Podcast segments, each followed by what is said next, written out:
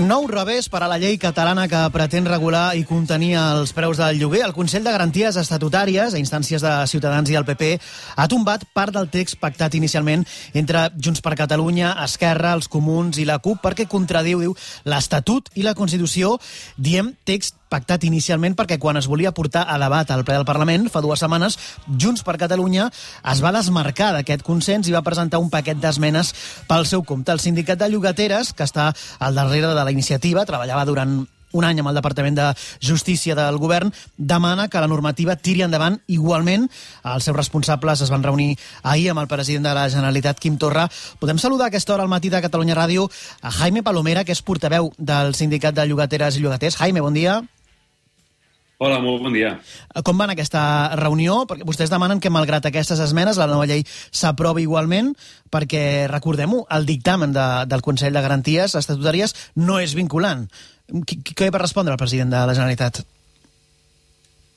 Doncs sí, exactament. L'òrgan, eh, el, el Consell de Garanties eh, ja pot dir el que ha dit, però no pot tombar ni un sol article de la llei. Com acabes de dir, és un òrgan consultiu i fa un any, quan es va intentar impulsar un primer decret per regular els preus del lloguer, ja va fer, es va posicionar de forma similar al Consell de Garanties Estatutàries, però tant nosaltres com el president de la Generalitat, eh, ho va dir molt clarament ahir, eh, no, ve, no veiem que això hagi de ser un problema.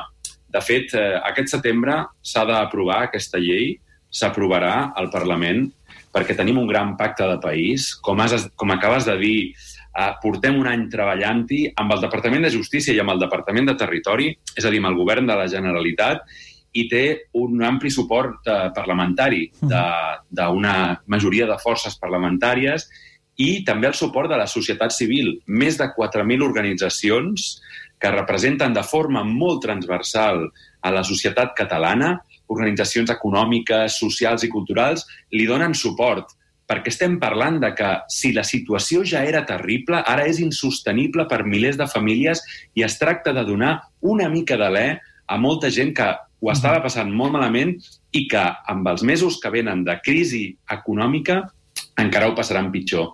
I la reunió amb el president eh, de la Generalitat, per la qual em preguntaves, doncs t'he de dir que va ser molt profitosa i el que ens va dir el president Torra és que ell defensarà la llei que vam pactar, que és un gran pacte de país, i que ell creu que és absolutament necessària. Ja, però això diu el president, però el conseller de Territori diu que la llei té disfuncions molt importants. Hi ha una eh, disputa dins del govern entre el conseller i el president, i dins de Junts per Catalunya. Bé, el que, el que hi ha segurament és que un sector minoritari de, del Parlament eh, ha estat en contacte amb uh, alguns dels sectors que fan negoci des de fa molts anys amb l'habitatge i uh, a última hora sembla que es vol desdir del que vam treballar. Però les negociacions per assolir aquest acord, per assolir aquesta llei, ja es van produir en el seu moment. Tothom ha fet concessions. Uh -huh. S'han eh, revisat cadascun dels articles d'aquesta llei moltes vegades i el Departament de Territori, eh, els grups parlamentaris han pogut donar el vistiplau a aquesta llei perquè era una llei que no era de ningú, no era de, de cap dels grups, no era del sindicat, no era del govern, era de tothom. -huh. I si la vam tancar, si tothom li va donar el vistiplau, era precisament per això, perquè era el producte d'un acord. El que ningú entendrà és que si té el suport tan clar de la presidència, del president de la Generalitat, si té el suport tan clar de més de 4.000 organitzacions socials. No té el suport dels APIs, suposo. Després hi parlarem. Uh, el sector immobiliari potser no hi està d'acord. Eh, crec que, Jaime, que hem de recordar als oients eh, què diu aquesta nova... Per suposat, perquè el sector immobiliari fa molt de temps que suposa a una mesura que el que faria seria començar a limitar, sí, els beneficis d'algun sector, però és que porten sis anys pujant els preus del lloguer en detriment del dret a l'habitatge de milers i milers de famílies. Portem sis anys en què el preu del lloguer ha augmentat 30 vegades més que els salaris. Uh -huh. Som la regió del món, Catalunya és el país on el lloguer es menja més sou que en cap altre país. Uh -huh. I què diu aquesta nova normativa? Es tracta de, de congelar o abaixar els preus de lloguer, estem parlant de, no només de Barcelona, eh? són 60 municipis d'arreu de Catalunya, de més de 20.000 habitants, i explica-ho perquè el, els oients eh, ho recordin, els, els habitatges que ja estan llogats, si renova el contracte, el preu acordat, diguem-ne que, que no podrà superar, és a dir, si l'habitatge té un preu per sobre de la mitjana de la seva zona, el nou contracte tindrà com a màxim el valor màxim que estableix l'índex de la Generalitat. És això? Sí, o sigui, bàsicament el que fa aquesta llei és dir, molt bé, portem sis anys en els quals els preus han pujat de forma desorbitada, nosaltres partíem d'una posició que és la nostra i és la de Nacions Unides i és que els preus dels lloguers haurien de baixar un 40% per fer el que diu Nacions Unides i és que una família no pot destinar més d'un terç dels seus ingressos a pagar el lloguer. I aleshores què fa aquesta llei? Doncs després d'aquests sis anys de pujades diu, doncs mirin, els preus no es poden pujar més, s'ha de, de limitar aquestes pujades, i en els casos d'aquells preus que estiguin clarament per sobre dels preus mitjans de la seva zona, que, que estiguin molt inflats, doncs s'han de començar a moderar. Però parlem d'una regulació de mínims, perquè si la situació ja era complicada, amb la crisi pandèmica i la crisi econòmica que tenim al davant, ens estem trobant amb que les famílies que ja destinaven una part absolutament enorme dels seus ingressos a pagar el lloguer, ara ja eh, és inassumible el que destinen a pagar. S'estan disparant els impagaments per lloguer i si no hi ha una reducció dels preus, una reducció que hauria de ser molt més forta del que diu aquesta llei, si no hi ha una, si no hi ha una reducció, ens trobarem en una situació d'enormíssim patiment i de conflicte social. Un cop eh, estem a l'espera, doncs entenc que, que Junts per Catalunya o el govern s'aclareixi sobre si manté o no aquestes vuit esmenes. Eh, si manté Junts per Catalunya les vuit esmenes, què passa? La, la, la, la, la, la llei quedaria bloquejada? A veure, la veritat és que jo diria que cada vegada resulta més incomprensible que certs sectors de Junts per Catalunya, que són alguns sectors, et puc assegurar que a Junts per Catalunya, començant pel president, eh, no hi ha un acord al voltant d'aquestes esmenes, doncs et dic que és incomprensible, cada vegada resulta més incomprensible que certs sectors de Junts per Catalunya vulguin mantenir aquestes esmenes i bloquejar la primera regulació de preus del lloguer de la història a Catalunya que compta amb aquest amplíssim suport social. Jo crec que ningú ho entendrà quan es voti al Parlament al setembre, que ningú entendrà que es sigui deslleial als milers i milers de famílies que esperen aquesta regulació perquè no exagero, ens hi va la vida, ens hi va el futur. Uh, I, per tant, nosaltres seguirem treballant com ho estem fent perquè aquest pacte de país es compleixi i jo et puc dir, eh, clar, jo no puc garantir res, però personalment eh, tot em diu, el cor em diu, la ment també, que aquesta llei tirarà endavant i, a més, que un cop tiri endavant, per molt que el comitè, el Consell de Garanties Estatutàries hagi dit eh, que no li agrada aquesta llei, el govern espanyol comptem en que no bloquejarà aquesta llei, perquè el govern espanyol es va comprometre a regular els preus. Mm. Tant PSOE com Podemos, el govern de l'Estat, va dir que volia regular i nosaltres comptem amb que no només no es bloquejarà, sinó que es permetrà mm. que els altres pobles d'arreu de l'Estat també puguin regular els lloguers, perquè de debò que és una qüestió que jo crec que ningú discuteix que és imprescindible. Ningú, excepte aquells que tenen negocis. Mm, clar. Perquè, mireu, Nova York, Nova York, des de que va regular els preus, des de que els va congelar amb una regulació encara més dura de la que es proposa aquí, han aturat més de 50.000 desnonaments. És immediat el resultat. I, evidentment, necessitem altres polítiques. Eh? Jo no dic, nosaltres no diem que això sigui la panacea, però tampoc és l'apocalipsi.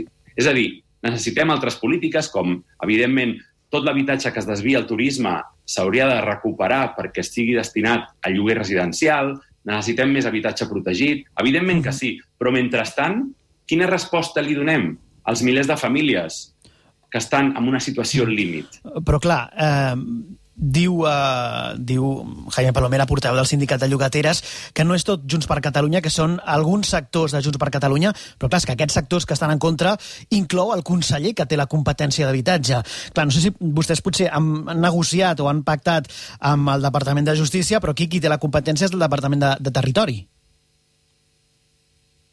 té la competència, però el dret civil amb el qual es basa el, la, la llei està en mans de justícia. Evidentment, aquí nosaltres no volem entrar en aquestes trifulques, diguem-ne, entre membres de govern o grups parlamentaris, perquè creiem que el que és molt lloable i que s'ha de destacar és que en els temps que vivim, una majoria parlamentària arriba a un acord amb un text, amb una llei que ve avalada per aquest conseller al que vostè fa referència i per la resta de consellers, també per la consellera de Justícia.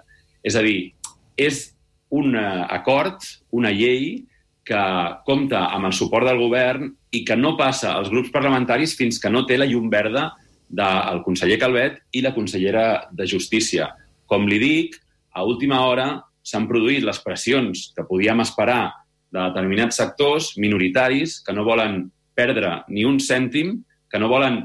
No és perdre cèntims, és limitar, limitar els guanys extraordinaris que han tingut uh -huh. en els últims anys. Doncs sí, li han entrat els dubtes a una part del de, uh, Parlament. Sobretot, no és tant la Conselleria de Territori com determinats grups dintre de Junts per Catalunya. Uh -huh. Nosaltres el que els diem en aquests, en aquests grups dintre de Junts per Catalunya és que eh, rectifiquin, que rectifiques de savis i que els esperem que retornin al pacte i que al setembre ningú entendrà que siguin els responsables de que milers de famílies vegin com els hi segueixen pujant el preu del lloguer o com les segueixen escanyant amb uns preus -hmm. inassumibles. I, I per acabar, deixa'm dir una cosa important, que és una llei molt ponderada, una llei que el que fa és limitar l'especulació.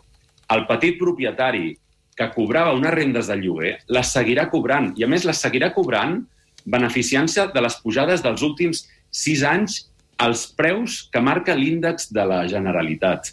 Uh, qui no podrà fer el que feia fins ara era qui especulava, qui seguia pujant els preus. Uh -huh. Aquestes, aquests actors, doncs sí, evidentment, eh, no ho tindran tan fàcil, uh -huh. però és que, escolti, eh, es, es tracta de protegir per primera vegada a la història a milers de famílies un milió de persones a l'àrea metropolitana de Barcelona, només a l'àrea metropolitana de Barcelona, que viuen de lloguer. Mm-hmm. Diu que és una promesa electoral del govern espanyol, del, del PSOE i d'Unides Podem, el fet de resoldre aquesta situació, aquest problema dels preus de l'habitatge, aquesta emergència habitacional, però clar, el PSC ha votat en contra.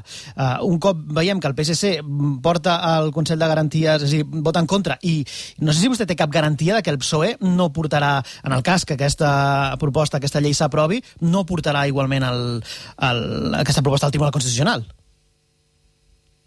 Eh, insisteixo, també, com deia eh, quan parlava de Junts per Catalunya, crec que tampoc ningú entendria que oh, un, un partit, que un govern, espanyol, un govern de l'Estat...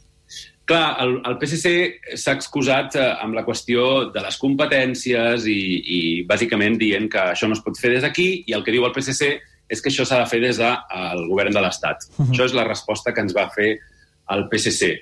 Uh, nosaltres els hi vam dir que això eren excuses, que el govern de l'Estat està trigant massa i que cal empènyer això ja perquè el dret civil català permet regular els arrendaments i que el que estàvem fent era innovar uh, perquè és necessari en contextos d'emergència també la innovació com la que estem impulsant. Uh, el PSC va dir això, però el govern de l'Estat, el, el govern espanyol, amb qui, evidentment, eh, tenim una, un diàleg, una interlocució des de fa temps perquè la situació és eh, d'emergència i hem de parlar amb totes les institucions, eh, sempre ha reconegut que, que cal regular els lloguers i, insisteixo, eh, no ha de posar eh, pals a les rodes. Entenem que eh, no hi haurà problemes per part de l'Estat i que ningú entendria, d'altra banda, ningú entendria que el govern de l'Estat eh, bloquegi la regulació de lloguers. Uh -huh. El que esperem del govern espanyol és que respecti els drets de Catalunya a regular els lloguers i que ampli, és a dir, que eh, la competència per regular els lloguers sigui concedida a altres eh, territoris, altres eh, comunitats autònomes. Eh, per acabar, Jaime Palomer, el govern ha aprovat un decret sobre turisme que permet el lloguer d'habitacions per assades curtes, eh, aplaudit per plataformes d'apartaments turístics, per exemple Airbnb. Eh, vostès, el sindicat de llogateres, hi estan en contra. Per què?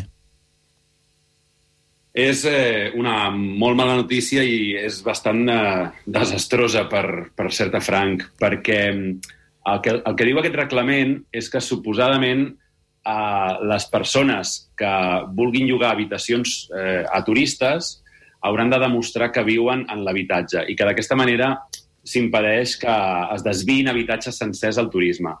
El que passa és que els municipis i els ajuntaments no tenen eines i no tenen recursos per controlar si les persones que lloguen aquestes habitacions turístiques viuen realment en aquestes cases. El padró no és suficient.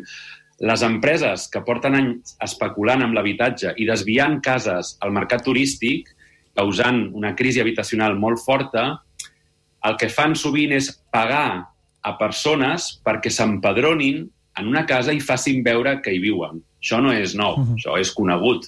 I ho seguiran fent, els ajuntaments no tindran manera de comprovar-ho, s'està posant, a més, tota la pressió als ajuntaments que no tenen recursos per controlar això, i el que passarà és que, de facto, tots els habitatges es podran destinar a lloguer turístic 365 dies a l'any. Això és el que diu el reglament demana que la persona, el titular de l'habitatge, hi visqui, però insisteixo, això és molt difícil de controlar.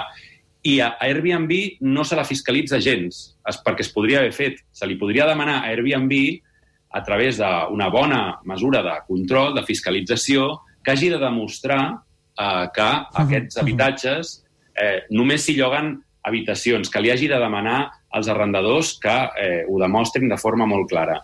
Per tant, ens temem que serà un colador, aquesta normativa, perquè els eh, sospitosos habituals que porten anys desviant cases al mercat turístic doncs eh, trobin a través d'aquesta eina un colador, un colador per, per poder seguir-ho fent. N'estarem molt pendents de com acaba aquesta llei catalana que pretén regular i contenir els preus del lloguer. Jaime Palomera, porteu del Síndic de Llogateres i Llogaters, gràcies per respondre a les preguntes al matí de Catalunya Ràdio. Bon dia. Moltes gràcies a vosaltres. Una abraçada. Fem una pausa molt breu per la publicitat i de seguida donem veu als eh, agents de la propietat immobiliària, als APIs. El matí de Catalunya Ràdio, amb Albert Segura.